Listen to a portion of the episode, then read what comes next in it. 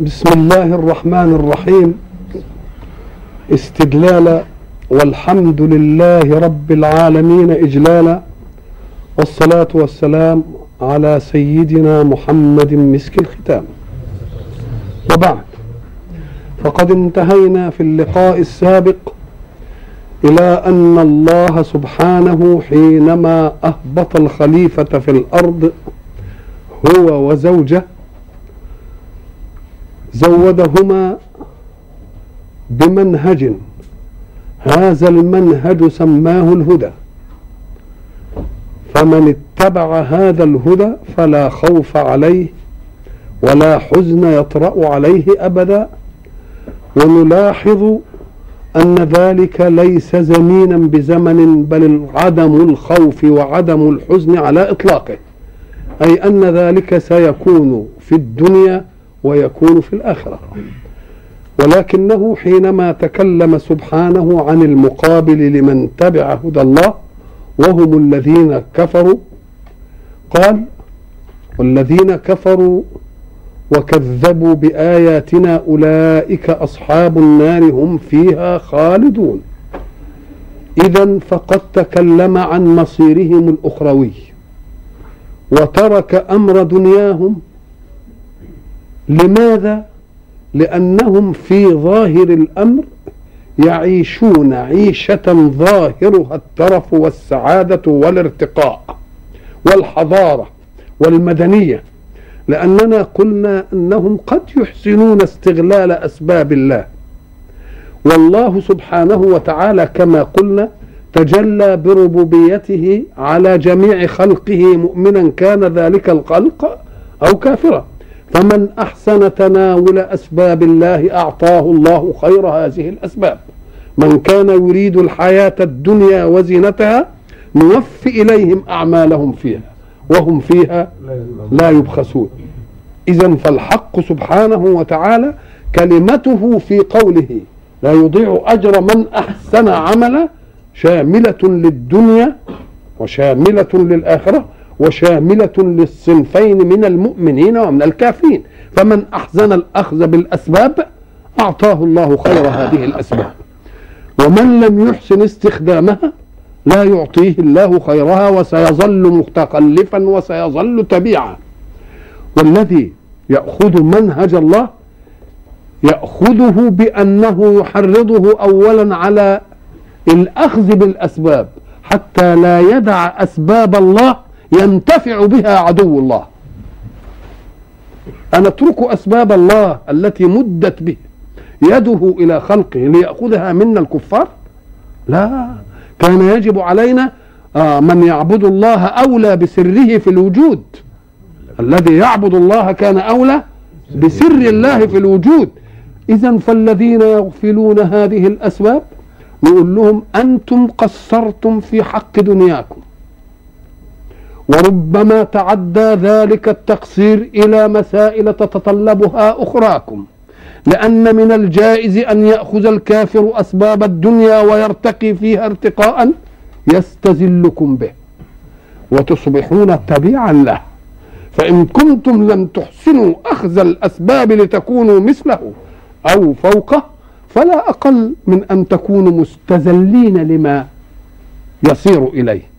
لأن الذي يحاول أن يتنعم بما لم تنتجه يده فرض على نفسه التبعية.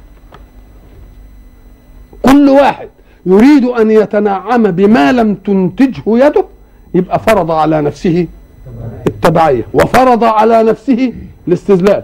ولذلك تجدهم يريدون أسواقا لكل منتجاتهم الحضارية لأنهم من الخير لهم أن يستعبدون بالعادة في الحضارة التي لم نغرسها نحن.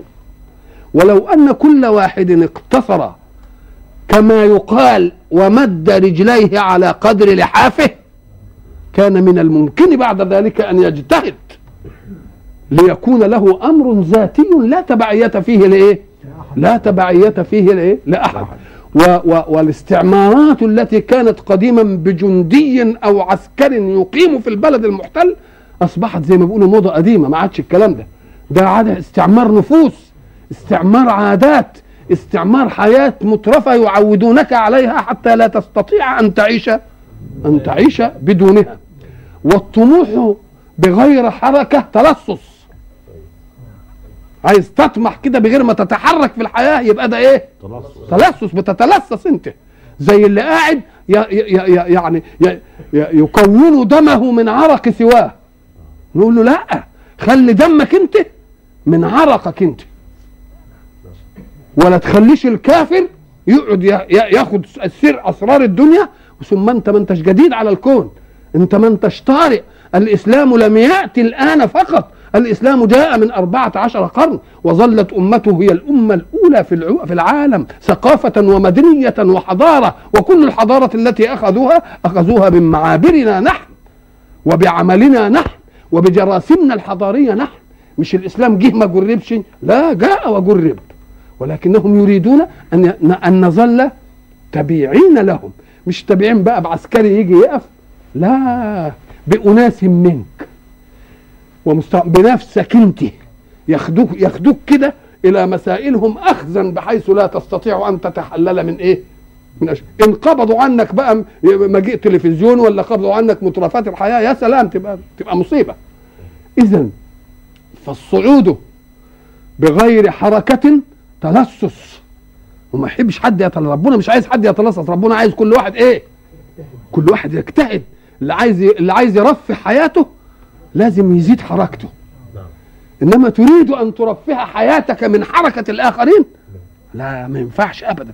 ربنا يغار على المتحرك ربنا يغار على العامل ويحافظ عليه. ليه؟ لأنه جاي من عرقه ده ما يصحش إن واحد يجي ياخده. أمال ليه قطع إيد السارق؟ وبعد ذلك يأتي المتشدقون بالمظهريه الحضاريه يقول لك يا سلام نقطع إيد واحد. نقول له يا سلام حادثة سيارة بتموت بتموت عشرة.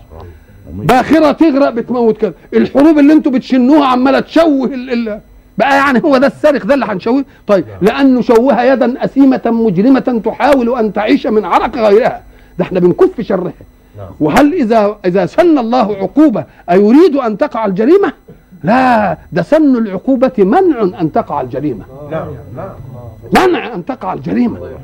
فيجب إن الناس تتنبه وما نجيش بقى العنطزه الرحمة. اللي ياخدوا لك يا سلام هيبقى مشو لا يا سيدي بيجي زلزال من الزلازل يروح عامل باخرة تغرق قطرين اتنين يصطدموا مع إيه؟ مع بعض وبعد ذلك يخصموا للمحوال جه 10 أيام. إيش الحكاية؟ بقى يعني دي خلاص بقى حكم ربنا هي دي يعني اللي واقفة في زوركم أنا زي ما قلت الذي يعارض في أن تقطع يد السارق بقولها أهو في نيته أن يسرق. نعم نعم. وإلا ليه لما بيسمع إننا هنقطع إيد السارق إيده بتنمل ليه والله العظيم لو ما كان في نيته السارق ما تيجي على باله الحكاية دي يقول لك وماله آه يقطعوا يقطعوا رقبته حتى. إنما أصل هو في نيته يا خرابي يروح إيده منملة وماسك إيده. يمسك إيده. تعالى كده على غفلة كده وقول يا ده هيمسكهم كل اللي سرقوا من الأسبوع اللي فات ويقطعوا ايديه وبص كده شوف كم واحد هي- هي- هيمسك إيده. آه لا تكون انقطعت ولاهوش داري. آه فربنا لما بيسن قوانين مش بيسن القوانين أو يجرم الأفعال عشان علشان يعاقب. ده عشان ما تقعش الأفعال. عشان ما تقعش الأفعال ما بيجرمش أي فعل عشان هو مش عايزه إيه؟ مش عايزه مش عايزه يقع. يبقى إذا إحنا أسباب الله ممدودة لنا لا نترك عدو الله يأخذ الإيه؟ يأخذ الأسباب منه. وبعد ذلك علشان يدينا عزاء يقول لك اوعى ان دنياهم يعني ضحكت وزهزهت لهم كده وبقوا كويسين تظن إن هي دي كل حاجة. لا ده ده أنا قلت لك حتى في الدنيا مستقر ومتاع إلى حين. إلى حين. يعني مسألة ما هي محدودة. وأنت منهي بهذه الآية. يعني إننا مش هنقعد في الدنيا. والدنيا جه خبر وفاتها في الكلمة دي. مش كده؟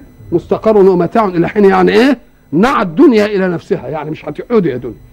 مفهوم؟ وبعدين والذين كفروا وكذبوا بآياتنا أولئك اصحاب النار وساب الحكاية بتاعت الدنيا دي لآية أخرى. ومن أعرض عن ذكري فإن له معيشة ضنكا. لطيف ونحشره يوم القيامة أعمى. قال رب لم حشرتني أعمى وقد كنت بصيرا. ما اتقلبت الموازين. قال كذلك أتتك آياتنا فنسيتها وكذلك اليوم تنسى. كذلك اليوم تنسى. يبقى هناك ما جابش هنا ما جابش سيرة الدنيا. إنما هناك فقال فان له معيشة إيه؟ إياك أن تظن أن حلاوة الحياة والسعادة بالمال فقط أو بالعيش المترف فقط. فكم من أناس يعيشون غير مترفين وهم في منتهى السعادة وفي منتهى الرضا وفي منتهى الهدوء الاستقرار العائلي الحب المتبادل كل حاجة موجودة. و و وبياكل ما شاء ويمكن يبقى عنده ثروة وأنتم يمكن بتشوفوا دي ومحروم أن يأكل قطعة لحم. محروم ياكل ياكل خشكار الخبز يعني السن. يدوروا له على السن. نقول له ما انت بتاكل سن دلوقتي يا ربنا احوجك له لأنك انت أصلك يا ما يا, ما أكلت إيه مقطف زمان. فلازم تيجي تعادل. أمال إيه؟ يعني هتقعد تقعد على طول كده؟ لازم تاكل شوية سن بقى. ولازم تنحرم لأنك برضه أكلت كتير. يوم اللي ما عندوش ساعة ما يبص البصة دي يقول يا سلام على العداله يا سلام ده أنا مش عايز الدنيا بتاعته دي أنا عايش كده زي زي ما أنا. آه.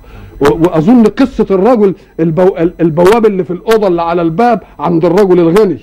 يقعد بقى بالليل الراجل البواب هو والست بتاعته يقعدوا يدندنوا ومبسوطين ويضحكوا والعيال حواليهم. ودوك عمال بقى إيه يغلي والست. الست لسه ما جاتش من بره. آه وجايه بقى مخمورة وجايه حالتها لضا وهو قاعد يبص ويجي وبعدين يجي بس تبص له كده يروح ساكت آه ويشوف دوك قاعد سعيد كده ومش عارف. كل جاه الدنيا ده يضيع في هذه اللحظة. يضيع في هذه. قام الراجل الغني؟ قال والله لا شاغل البواب سأشغله بالدنيا دي. فقال له انت بدل ما انت قاعد طول النهار مالكش شغل إحنا هنديك 10 جنيه وتجيب بهم بيض وتقعد تحطهم كده. إيه وتبيع للناس اللي مش هتبيع وانت قاعد.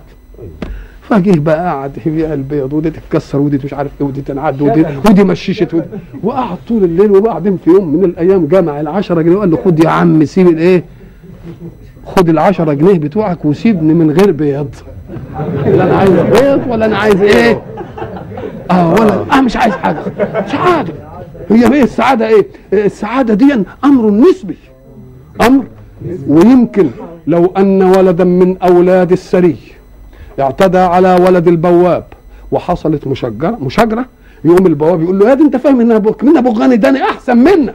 ويقولها كده ولا يبالي. ولا يهمه. آه آه. ربنا مديله إيه؟ ربنا ربنا مديله طاقة من الرضا. هذه الطاقة من الرضا هي السعادة. فبيقول لك المعيشة الضنك مش بس ما يكونش عنده فلوس. أنا ضربت مثلا قلت الإحصاء الاقتصادي إن السويد أرقى بلد ولا لأ؟ أرقى بلد في المستوى الاقتصادي. وبعد ذلك الإحصاء الثاني قال إيه؟ إنها أخ- أرقى أرقى البلاد وأكثرها احصاء في إيه الجنوب والانتحار والطلاق وال- بينتحر واحد بينتحر ليه؟ ليه بينتحر؟ آه لأنه ماليش روح رصيد من إيمان يقول فيه يا رب لأنك أنت لما تحزبك الحياة وبعدين تفتكر إن ليك رب تقول يا رب مجرد نطقك به تلتفت تلاقيك ارتحت على طول. لأنك انت جاء ربك على بالك وسكن في نفسك كلها فحصل فيه إيه؟ فحصل فيه الرضا وحصل. يبقى معيشة ضنك مش معنى يعني إنهم فقراء. لا, لا قد يكونون كذلك ولكن محرومين من نعمة الإيه؟ من نعمة الاستقرار. إحنا لما رحنا يا أخي أمريكا أول ما رحنا آه اسمها نيويورك قلنا ده بلد بقى ال- وبعدين نزلنا في فندق وفندق فخم آه، وقعدنا فيه وبعدين التفت اليوم بقول للدكتور اللي ويانا رايح يترجم لي قلت قلت له اقرأ لي ما مكتوب على هذا الباب. قال لي ده أول تنبيه إذا دخل عليك أحد بالليل فلا تقاوم. فإن حياتك أثمن مما معك. يا قلت الله يطمنهم يعني معناها يطمن يعني أنا عرضه ان واحد يدخل. آه. ولما تيجي تخرج يمسكك بتاع الاستعلام تقول لك لا تخرج بمال كثير خد فلوس بسيطة كده على قد الطريق أو خد الكارت بيسموه إيه؟ كارت كده تحطه كده هو الكارت دولي آه. دي بلاد مرتقية دي إزاي يكون الكلام ده دي انتقاء دي؟ الرعببة دي؟ الحضارة هي دي سبحان الله العظيم. يبقى اذا فإن له معيشة ضنكا حتى عند هؤلاء. لأنه ما عندوش حد من حدود الرضا يرضى به. وما معنى الغنى؟ مش غنى النفس؟ مش إنني مستغني؟ ولا إيه؟ آه أنا مستغني. أنا حدثني الحاج أحمد إن في حكاية كده هي حكاية اميه ريفيه انما بتدي مذاهب في الحياة. ان راجل مر على واحد يصطاد. وهو قاعد كده بيصطاد و... قال له يا أخي مش عارف إيه اعمل إيه علشان تجيب شبكة ولا هو ها اصطاد سمك. قال له اعمل كده علشان تجيب شبكه قال له وبعدين تجيب سمك كتير. قال له وبعدين تجيب لك قارب. قال له وبعدين تجيب آه، بتاع ده آه، باخرة وتدخل في أعماق البحار عشان تجيب الأسماك اللي. قال له وبعدين أنت بيبقى عندك فلوس كتير. قال له وبعدين؟ قال له هتبقى مبسوط؟ قال له طب أنا مبسوط أهو. إيه الله الله طب أنا مبسوط الله. الوقفة الطويلة دي؟ أنا آه، اللي مبسوط. أنا هذا آه مبسوط يا سيدي. خلاص. اذا فالإيمان يعمل إيه؟ انما الإيمان إن طلبنا بإيماننا أسباب الحياة فلا فلأننا لا نرى الحياة مقلدة ولكن حتى لا يأخذها منا عدو لله فيفتننا عن ديننا. أيوه الله. عشان ما ياخدهاش مني واحد إيه؟ يفتني عن إيه؟ عن دين. والذين كفروا يقتضي مكفورا به. كفروا بإيه؟ يبقى كفر إحنا قلنا بقى في الكفر ده أظن كلام كتير قوي قوي وقلنا ما دام كفر يعني إيه ستر. وما دام ستر يبقى فيه موجود. مش كده؟ يبقى كلمة الكفر دليل على الإيمان ولا لا؟ وإلا سترت إيه؟ مش سترت الله؟ سترت وجود الله يبقى إذا وجود الله هو الواضح وأنت جيت وأنت جيت سترته. يبقى إذا الستر طارئ على الوجود فالوجود قبل الستر. يبقى الله موجود انتهت وكذبوا بآيات الله. طب افرض إن الناس ما عرفوش القضية دي وإن ربنا مش عارف إيه. هي آيات في الكون. كان يجب أن تنبههم إلى الحق سبحانه وتعالى. ونقول له الآيات اللي موجودة دي أنت عملتها؟ يقول لك لا. هل صنعها أحد مثلك؟ يقول لا هؤلاء. هل ادعى أحد أنه أوجدها؟ يقول له لا. يقول له طب ما بتعبدش ليه؟ اللي قال لك إنني اوجدته ها؟ صحيح. اكفر اكفر على كيفك. إنما ما تبقى سمك. وتكفر بإله ثم تتناول نعمه بيدك. قبل أن تكفر بالله رد إليه نعمة. اقلع عينك كده وقول له خد مش عايز إيه ها؟ اقطع لسانك وقول له لا مانيش عايزه. الشمس يقول لا مش عايز خلاص مش مستفيد منه. عادي. إنما تأخذ نعم الله الممدودة بأسبابه ثم تكفر به. مسألة عجيبة دي قوي قوي مسألة عجيبة. ادي كفروا وكذبوا بآيات الإيه؟ بآيات فكأن آيات الله منصوبة. تنادي وتصرخ للغافلين. تنبهوا ومن آياته الليل ولذلك سماها آيات زي ما سمى الكلمات في القرآن الجمل دي آيات سمى مظاهر الكون آيات. ومن آياته الليل والشمس ومن آياته منامكم بالليل. مش كده؟ ومن آياته أن خلق لكم من أنفسكم إيه؟ ومن آياته ومن آياته أي من العلامات الدالة على وجود قوة قادرة. خلاص؟ هي التي خلقت. وأعلمت الدنيا أنها هي التي خلقت ولم يعارضها أحد في أنه هو الذي خلق. إذا فالدعوة له ولا لا؟ إلى أن يوجد معاند يقول له لا لقد كذب عليكم هذا أنا الذي اوجدت ولم يوجد هذا المعاند أبدا. لم يدعي ولم يوجد هذا الإمر. كفروا وكذبوا بايه بآيات الله. أولئك إيه؟ قلنا أصحاب النار وهم فيها إيه؟ وكلمة أصحاب دي تدل على إيه؟ على على التعانق والعز زي أصحاب الجنة برضه. الجنة تبقى تبقى متعشقة. يبقى ولذلك النار هتبقى تقول له آه، هل امتلأتي؟ ربنا يقول لها هل امتلأتي؟ تقول له لا هل من مزيد؟ أنا برضه هتسع. هل من مزيد؟ هل إيه؟ هل من مزيد؟ النار متكيفة اللي عمالة إيه؟ بترعى في إيه؟ في هذه الأجسام. متكيفة النار. النار مبسوطة. اللي عمالة تت... آه. آه. كويس قوي والذين كفروا وكذبوا بإيه؟ بآياتنا. أولئك هي أصحاب النار. هم فيها إيه؟ هم فيها خالدون. بعد أن تكلم الحق عن خلق الكون سماء وأرضا وما بينهما. خلاص؟ يبقى أعد ال... الإقامة الطيبة للخليفة. وتكلم عن الخليفة. وتكلم عن الخليفة خلقا. وتكلم عن الخليفة تعليم أسماء لم تعلمه الملائكة. كلمة إن لا علم لنا إلا ما علمتنا يجب ناخدها على إيه؟ على إن مش الشطارة أن تعلم. أنت المهم أن تعلم ما أنت بصدده في حركة حياتك. أن تعلم ما أنت بصدده. ولذلك قالوا سبحانك لا علم لنا إلا ما علم. أنت علمتنا الأمر اللي إيه؟ اللي إحنا نحتاجه. ولذلك بنقول إياكم والعلم الذي لا ينفع. العلم الذي إيه؟ لا ما ينفعش. علم كلام كله. آه. لا العلم لازم يكون له إيه؟ ومش المهم إن كل واحد يعلم كل شيء لأن دي مسألة مش ممكنة. ولذلك علشان تعيش في الكون يبقى لازم تعرف بعض الشيء عن كل شيء. تعرف بعض الشيء عن كل شيء. حاجات خفيفة كده. اسمها ثقافة دي. اسمها مرحلة الإيه؟ يبقى الثقافة ان تعرفها؟ بعض الشيء عن كل شيء. وبعدين تشوف مجال حركتك في الحياة إيه؟ ثم تعرف كل شيء عن شيء واحد ده النبوغ التخصصي بقى انما واحد عشان يبقى كده حتى الف... الناس الاميين يقول لك صاحب البلان إيه وما جعل الله لرجل من قلبين في إيه ما جعل الله لرجل من قلبين في جوفه ويريد الله من المؤمن ان يتعشق عمله انه إيه انه يتعشق عمله أنا كنت اسمع من شيخ لي يا رب افقر الصناع واغني العلماء إحنا صغيرين بقى في سنة أولى وثانيه إيه الحكاية دي؟ وراجل شيخ وكبير وبدقن وبتاع. نقول له طب اغني العلماء دي كلام معقول. إنما يفقر الصناع. أم قال لي لا أنا هقول لكم لا أنتوا فاهمين الأولانية ولا أنتوا فاهمين الثانية. نسكت يا سيدنا الشيخ موسى لحد ما تقولها لي. قال أن العالم لما يفتقر يضل ويضل وي- ويضل الناس. فلازم إما يغتني بقى يستحي واحد أن يرشوه في دينه.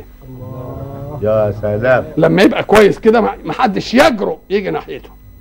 إنما لما يشوفه يعني غلبان ومش لاقي يجي واحد يتقرب اليه بلحمة كويسة بحتة مش عارف قماش كويسة بحتة مش عارف. وبعدين يجي يسأله برضه يقعد يمتمت كده وبده يشوف مش عارف. قال لا يغني العلمي عشان لما يغتني العلمي يبقى مش محتاجين لحد ابدا. يقولوا كلمة إيه؟ حق. كلمة الحق على طول. ولذلك يجب أن يكون من شرف العلماء الذين يتحكمون في فتوى الناس في دينهم إن ما يكونش لاحد في رزقهم له سلطان ابدا.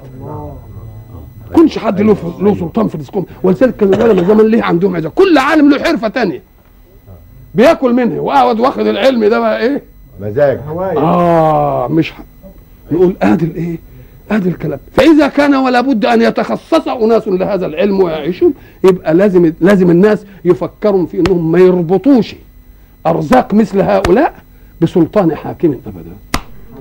علشان تفضل الكلمة لمين؟ بالله تفضل الكلمة لله وحده. قلنا له طيب فهمنا حكاية يغني العلماء. طب وحكاية افقر الصناع دي؟ قال اسمع لو الصانع ما يروحش صنعته وهو محتاج للقرش اللي هيجي. مش هيروح ولا يجودهاش. هو بيجودها عشان ده يجيله وده يجيله وده يجيله. الله وبعدين لما هو يعرف جمال الصنعة بمضي الزمن هيعشق صنعته. يا سلام على يبقى إحنا. استغلينا ان هو محتاج آه. في إنه يتقن الصنعة عشان يبقى له زبون ويبقى له. ولذلك لما كنت تيجي في عهود الرخاء تجد كل واحد عمال يجود علشان يعمل إيه؟ عشان يضمن له. آه. يوم ده يبقى حلو وده يعمل ده مش عارف إيه. وأنت بقى من أخصب تخير. مش كده ولا لا؟ من أخصب اللي مخصب يعني اللي دخل لقى مائدة وعليها ألوان شتى من الطعام يقعد يقول آكل إيه؟ آكل بقى فراخ ولا حمام ولا رومي ولا سمك ولا مثلا. إنما اللي دخل ما لقاش إلا صحن الجبنة واللقمة. إيه؟ هيستنى الحمد لله. آه وياكلها ويسكت ولذلك العربي قال إيه؟ من أخصب تخير. ومن أجدب انتجع اللي يكذب يروح لحتة حاجة خضرة كده ويقعد إيه؟ ياكلها. ياكلها. ينقع وياكلها وخلاص وانتهت المسألة. الناس بقى لما كان في عهد ال- العهد الكويس تلتفت كل واحد بيجود صنعته علشان إيه؟ عشان يقدر يعيش. وبعدين يعشق صنعته. ولما يقعد يعشق صنعته بقى أهو عشق الصنعة دي هو الإتقان الذي أراده الله. وأنا قلت لكم بقى إن لما يعمل كل واحد حاجة كويسة هتيجي نغمة في الوجود. نغمة إيه الله؟ كل ما تشوف حاجة حلوة تقول الله الله. كأن كل شيء جميل الفطرة تنطق بأن الله. لأن حتى ولو كان جمال الصنعة تقول اللي اداله العقل واللي اداله الانامل الحلوة دي واللي اداله مش عارف إيه واللي برضه راجعة لمين؟ ولذلك حين تشكر واحدا على النعمة. لا ده هي بترجع الشكر لله. بيرجع مين؟ ولذلك في بعض مدلولات الحمد لله يعني احمدوا من شئتم فكل حمد لغير الله سيصير إلى الله. كل حمد لغير الله سيصير إلى الله. بتحمده على إيه يا سيدي؟ على إنه عمل دي كويسة. طب عملها إيه؟ بالعقل المخلوق لله بالمادة المخلوقة لله بالطاقة المخلوقة لله. كلها وإن لم تقصد هتروح لمين؟ تحمدوا زي ما أنتوا اشكروا الناس زي ما أنتوا عايزين. كل حمد مهما بلغ منتهاه فمرده إلى مين؟ إلى الله. أو يجب أن تردوه إلى الله. ودي كلها إيه؟ كلها وسائل. يبقى يبقى ال- ال- الحق سبحانه وتعالى يريد منا إن الإنسان لما يتحرك في مجال الحياة يتحرك حركة عن علم ويتحرك حركة يوم الحق يربطها بالحاجة. يربطها؟ أنا قلت مرة في حلقة ويمكن أنتم فاكرين يمكن لو كل كده كل الناس معاهم شهادات وكل الناس كده ما حدش يرضى ينزح المجرور. آه. أمال اللي خلاه ينزح المجرور؟ قال ويصبح الصبحية. كان زمان قبل ما تيجي العربيات بقى وتيجي يجي ياخد الجردل كده والبتاع كده يقول يا فتاح يا عليم أي نعم. يعني يفتح عليه بمجرور يندب فيه. مش معناها كده؟ آه شوف إزاي. ليه؟ لأن عنده أولاد عايزة تاكل وهو ما يحسنش الا دي. يوم ربنا ساعة هو ما يرضى بالعملية دي إنه يعملها كده ويقوم ت... علشان تشوف عشقه لما ربنا قلت لما ربنا بقى يرقيه ويغنيه مش يسيب الحكاية دي ويروح يعمل له محل عطور. لا يشتري عربية قال يبقى ينزح فيها. ينزح فيها عشان برضه ينزح. آه. عشقها خلاص اتقنها آه واتقنها وأحبها. أدي معنى إن الله يحب إذا عمل أحدكم عملا إيه؟ أن يتقنه لأنه سيشيع في الوجود نغمة محبوبة. هي قولك إيه؟ الله. مفهوم؟ آه. يبقى اذا أسباب الايه أو الذين كفروا وكذبوا بآياتنا أولئك أصحاب النار هم فيها إيه؟ خالدون. بعد أن بين الله ال- المنهج وبين أن الهبوط الأول هطوب- هبوط عمل في الأرض بالعداوة اللي هتثير المنافسة وتثير كذا الهبوط الثاني عشان تاخدوا الإيه؟ المنهج. يبقى إيه؟ الإنسان له مهمتين اثنين مهمة إعمار الأرض بالمنافسة الشريفة. كويس؟ ومهمة تلقي المنهج من السماء. يبقى الهبوط الأول بياخد عطاء الربوبية. اهبطوا الاولاني ما هم أيتين. اهبطوا واهبطا والهبطة الثانية عشان المنهج. يبقى ده فيه إيمان ربوبية ودي فيه إيمان ألوهية. إيمان ألوهية علشان هيقول لك افعل كذا ولا تفعل إيه؟ كذا. ولا تفعل كذا. بعد أن تكلم الحق سبحانه وتعالى عن كل هذه المراحل في آدم وتكلم عن الفريقين من تبع هداي وتكلم عن الفريق الثاني هم أولئك الذين كفروا إيه؟ والذين كفروا وكذبوا بآياتنا أولئك أصحاب النار هم فيها خالدون. أراد أن يستعرض لنا قمة موكب من مواكب النبوة في الأرض. نبوة كان من الممكن آدم يتلقى عن الله المنهج وبعدين يلقنه لمين؟ لأبنائه. مش كده؟ زي ما بيلقنهم أي حاجة. لكن الغفلة قد تطرأ. وبعدين تغلبني حركة الم... العمار في الأرض عن من تبع هداي. لأن تبع هداي بيضيق حركتي شوية. يقول لك افعل دي ولا تفعلش دي. إنما حركة الإعمار في الأرض يمكن دي تخليك إيه؟ تغفل شوية لما تغفل شوية يقوم ربنا يبعت الرسل. على فترة من الزمن كده يقوم جايب إيه؟ جايب إيه؟ رسل. الرسل دي عشان يعملوا إيه؟ ولذلك مذكرين. فكأن الأصل كان يجب أن يظل البشر في باله من خلق ومن كلف. وإحنا بنجيبنا رسل بس بيتذكركم. يعني كان يجب إن دي ما إيه؟ ما تغيبش عن بالكم. ما هو ساعات التنبيه على عدم ذهاب الشيء عن البال. لا. يخليك تفهم قضية عكسية. يعني يجي يحتاج اللي انشغل بالدنيا شغل بقى والدنيا واخداه كلها يقول لك يا أخي ربنا يقول ولا تنسى نصيبك من الدنيا. مش بيقولوا كده؟ الدنيا واخداه كله. تقول له آه لو فقهت هذه العبارة. ده كلمة ولا تنسى نصيبك من الدنيا فكأنك أيها العاقل مقتضى عقلك في قصر أمد الدنيا إنك أنت تنساها ولا تهتمش بها. فربنا بيقول لك لا يا شيخ ما تنساهاش. شوف هو خدها إيه؟ وهي إيه؟ آه. لا تنسى نصيبك من الدنيا. فكأن العاقل لو قعد يقول لك الدنيا دي إيه يعني الدنيا دي؟ عمرها قصير ومتاعها قليل. وإيه أنا هقعد اشيل نفسي بها ليه؟ قال له لا يا شيخ لا. برضه ما تنساهاش. يبقى معنى ذلك ان إن الخطاب ده الناس بتفهمه على غير مراده ولا لأ؟ بتفهمه على غير مراده. يبقى لا تنسى نصيبك من الدنيا مش جاي عشان يغريك بها.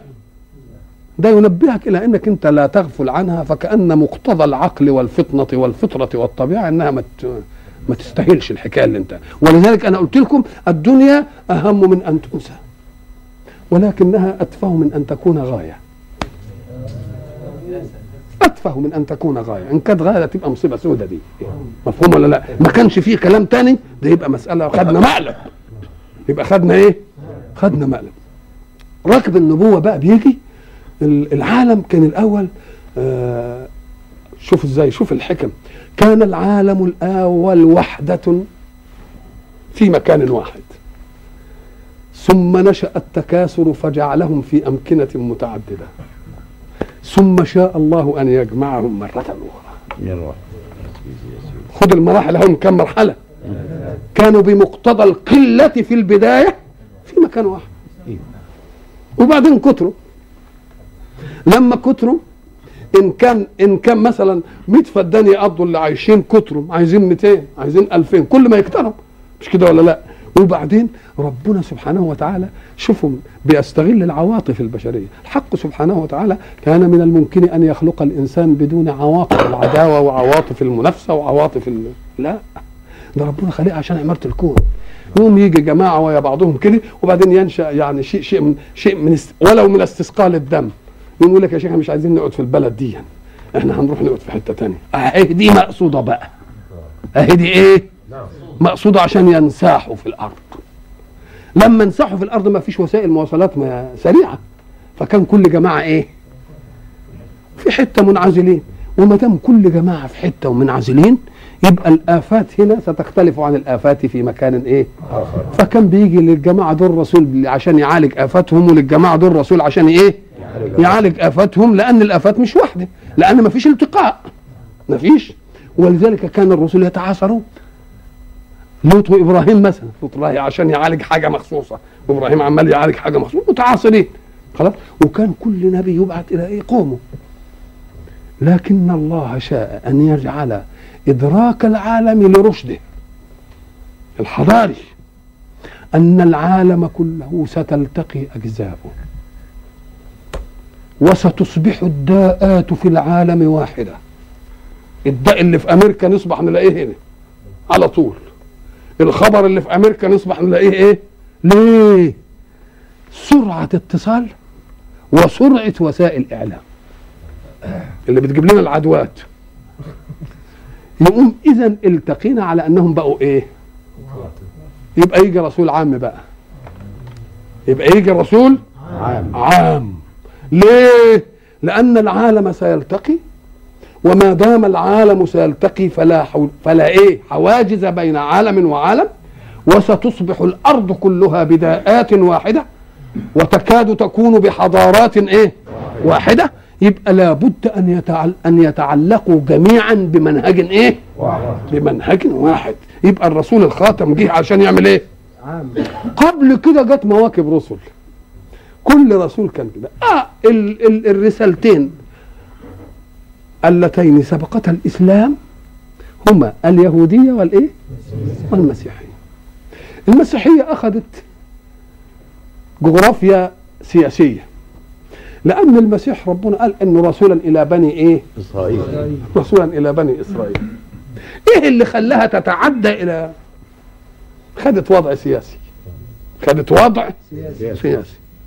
لأن حتى في نفس الإنجيل خلاص؟ إلى ديار أمم لا تمضوا يقول الحواريين. إلى ديار أمم لا تمضوا وإلى بلاد السامريين لا تذهبوا ولكن اذهبوا بالحري إلى خراف إسرائيل الضالة. دي كلام الله لعيسى في الإنجيل اللي موجود الآن. آه. واذكروا فيما أنتم ذا- ذاكرون ان ناموس الله قد اقترب. والناموس هو القانون العام. واذكروا فيما أنتم ذاكرون أن إيه؟ ده بنفس الكلام ده في الايه؟ الانجيل في الإنجيل. يبقى ناموس الله قد اقترب يبقى مش هو بقى. مش كده؟ آه. وهو بيقول لهم ما تروحوش لا هنا ولا هنا ولا هنا روحوا لمين؟ إلى خراف إسرائيل الضاله يبقى إذا انسياح المسيحية في غير بني إسرائيل كان عملا سياسيا. عمل إيه؟ سياسي. سياسي مش عمل ديني. ولذلك اوعوا تفتكروا إن موسى كان جاي يهدي المصريين هنا. دي من أيام من أيام من أيام يوسف. ولقد جاءكم يوسف إيه؟ آه. حتى إذا هلك قلتم بعده إيه رسول؟ قام راح لهم إيه؟ المهمة الأساسية الهداية للمصريين على يد موسى لم تكن هي الأصل. ده قال له ان هو بعتني وامدني بآية علشان أن أرسل معي بني إسرائيل ولا تعذبهم قد جئناك بآية. يعني مهمته إيه؟ إنه يخلص بنو إيه؟ بنو إسرائيل. الهداية بقى دي جت إيه؟ بعدين. يبقى موكب الرسل جه جت رسل كتير. تكلم القرآن في كل رسول بما يناسب حجمه التكويني في الكون. الله. وحجم رسالته. وأبعاد الإيمان به. وأبعاد العذاب اللي لقيه. كل واحد اداله على قده. تلتفت تلاقي مثلا قصة جت خطف كده. لأنها يدوب على مش كده ولا؟ لا؟ نعم. وقصة جت واسعة. أوسع القصص في القرآن هو ما يتعلق بموسى وببني إسرائيل. في أكثر من سبعين موضع في القرآن. ليه؟ قال لك لأن دول هم الأمة اللي أتعبت ال- خلق أتعبت الرسل. شوف الأمة اللي بتقتل الأنبياء بقى. مش بس بتكذبهم لا بتقتلهم. وخدوا الحكمة. ما قتلوش رسل لأن يجب أن تفهموا هناك فارق بين رسول وبين إيه؟ نبي. النبي بيوحى إليه بشرع يعمل به إنما ما أمرش بأنه يبلغه لأنه بيعمل بشرع الرسول اللي قبله. بس يبقى نموذج سلوكي. نموذج إيه؟ سلوك سلوكي. النبي. النبي. نموذج إيه؟ لما بيعزي السلوك في البشر العاديين يقوم ربنا يبعت إيه؟ أنبياء. يبقى النبي بيعمل ما بيجيبش شرع جديد. إنما هو الشرع بتاع الرسول اللي إيه؟ اللي قبل. وبعد ذلك يبقى نموذج سلوكي في وسط مين؟ في وسط الناس. يبقى ما يقولش إزاي يقدرون على الأنبياء اللي ربنا باعتهم يعني. لا مش باعتهم برسالة. آه مش باعتهم بإيه؟ برسالة. ما يقدروش يعملوا رسول لأن ربنا ما يرسلش رسول وبعدين يسلط عليه ال- عشان يمنعوا ال- المهمة. مش ممكن لأنه ما دام أرسل رسول يبقى لازم إيه؟ لازم يطمئن قوي مش كده ولا لا؟ فإن كان فيه رسول ون- ورسالة ونبوة ضروري تبقى في رسالة. ولذلك اذكروا جيدا أنني قلت لكم أن من ضمن لقطات القرآن الإعجازية حينما يخاطب الله ال- اليهود. آه ساعة ما قال لهم إيه؟ آمنوا بما انزل قالوا لا نؤمن بما أنزل عليه. إحنا هنؤمن بإيه؟ إيه اللي هو الإيه؟ التوراة. خلاص؟ طب نقول طب إذا كنتوا هتؤمنوا بما أنزل فلما تقتلون أنبياء الله؟ طب هنصدق إنكم آمنتم بالإيه؟ هاتوا لنا نص كده من نصوص التوراة يقول لكم اقتلوا الأنبياء. اذا حتى ما امنتوش بمن؟ بما أنزل إليكم. يبقى أنتم إيه؟ لأنكم لو آمنتم بما أنزل إليكم لم تقتلوا الأنبياء. ولو آمنتم بما أنزل إليكم لصدقتم هذا الرسول. كنتوا تصدقوا هذا الرسول. قلت لكم بقى اللقطة ال- ال- ال- الأدائية الجميلة اللي أعطت خيبة أمل لليهود. وأعطت املا مضاعفا وركنا شديدا لرسول الله وللمؤمنين. قال فلم تقتلون أنبياء الله وقال من قبل. يعني زي ما قلت لكم الكلام ده كان من قبل زمان يعني ما عادش الكلام ده هيحصل. أهي ما عادش الكلام ده هيحصل دي. معناها وضع امال اليهود في أن يقتلوا رسول الله كما كانوا يريدون. قال لهم قال لهم لا ده الكلام ده كان زمان. وكمان المؤمنين اللي يخافوا على الرسول أو الرسول يبقى خلاص دي مسألة ما, ما يمكنش ما يمكنش إنها إيه؟ إنها تحصل. اذا فقصه بني إسرائيل مع موسى أخذت إيه؟ أوسع. أوسع حجم لقصص القرآن. وتكررت ليه؟ لتكرر المواقف. وكل موقف فيها يعطي تثبيتا من لونه لرسول الله وللإيه؟ وللمؤمنين. ما إحنا قلنا إن القصص جاي ليثبت إيه؟ الرسول كلام ال- مم. يبقى بعد أن تكلم الحق عن الخلافة في الأرض والى آخره جاء في أول سورة في أول سورة البقرة بعد قصة آدم القصة بقى العجيبة اللي هي قصة مين؟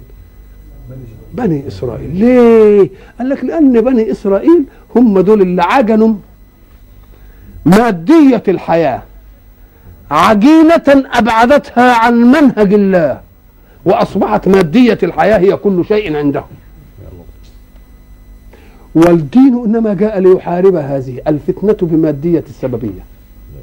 الفتنة بمادية السببية. لأن الإنسان قد يفتن في السبب وبعدين يجي له آه، أرأيت فتنة في المادية السببية؟ إنهم لا يؤمنون إلا بكل مادي إنهم يقولوا إيه؟ لن نؤمن لك حتى نرى الله جهرة. في أكتر من كده إيه بقى؟ لن نؤمن لك حتى إيه؟ نرى الله جهرة. شوف المادية. يعني حتى ده, ده, ده لو كان يرى ما استحق أن يكون إلها. نعم. ده من عظمته أنه لا يرى. طب ده, ده, ده كما قلت لكم سابقا خلق في خلقا به حياتي وهي الروح ولا ترى. نعم أيكون من خلقه ما لا يرى ثم الخالق يرى؟ مش ممكن. مش ممكن تيجي ده. يعني كان يجب أدي معنى وفي أنفسكم أفلا تبصرون؟ أنت مكون من مادة ومن روح. طب مادتك أنت شايفها الروح اللي بها حياة المادة دي شوفها شمتها شفتها ذقتها لمستها سمعتها بأي وسيلة من وسائل الإدراك لا تدرك. ولكنك أدركتها بآثارها. من الحركة والحس والى آخره. قلت ده فيه روح. بدليل إن اللي بتطلع روحه لا ويقعد بقى كم ساعة كده وينتن. لأن مادته ما عادش حية. مادته المادة بتاعته ما عادش إيه حية. فلو مكثت في غير مسلجة لازم تنتن. أنا قلت تضربوا مثل بإيه؟ اللبن. أنتوا منكم فلاحين؟ لما كنا نحلب اللبن في حاجة اسمها الشالية من الفخار. ونقعده في الشتاء وفي الصيف ثلاث أربع أيام أم خمسة. يفضل اللبن وكل ما يقعد بقى تطلع القشطة على الإيه؟ وبعدين نجيب القشطة كده جالوس كده. ناكل القشطة الجميلة وبعدين ناخد اللبن ده الرايب الجميل ده نقعد ناكل منه حاجة ووش الحصير والدنيا هايصة كلها. خلاص؟ طيب هات اللبن ده واغليه. وسيبه يوم واحد. خلاص. يتعفن ويرم. ليه؟ لأنه هو في الأول ظل بمادته الحية. الأسبوع. حياة. انت لما غليته قتلت المادة الحية اللي فيه فبقى منتن إما كنتش تحطه في الثلاجه زي الميت ما بتحطه في الثلاجه يبقى ما ينفعش. ما ينفعش. آه. آه. يبقى اذا الحق سبحانه وتعالى آه، يديني بقى ال- اللي هي ال- الموكب الكبير الموكب الرسالي الضخم اللي أتعب الدنيا كلها. اللي أتعب الدنيا كلها. ثم يعرضه عرضا. يحفظ من يسمعه على بني إسرائيل. يحفظه يعني إيه؟ يجعله يكرههم ويبغضهم. إزاي؟ لما يجي يقول الولد ده أنا عملت فيه كذا وكذا ووديته وعلمته واكلته وشربته ومش عارف ومع ذلك عمل اللي عمل ده. يبقى هو بيقيم الحجة على العقوق الأكبر منه. اذا فساعة يمتن بالنعمة الكثيرة على المنعم عليه العاق يبقى بده يعمل إيه؟ بده يحفظ السامع عليه. بده يحفظ علشان إن سمع وعيد قوي لهم ما تاخدوش الرحمة وتقول يا هم عملوا إيه يعني؟ آه. فجه يقول إيه؟ يا بني إسرائيل انتهى من قصة آدم ونزل على مين؟ بني إسرائيل. يا بني إسرائيل اذكروا نعمة الله. كأن الله لا يطالبهم أن يبتدئوا بالجميل معه. ولكن يطلب منهم أن يردوا فقط الجميل بأن يتذكروا نعمة الله عليهم. نعمة هي مفردة صحيح كلمة مفردة.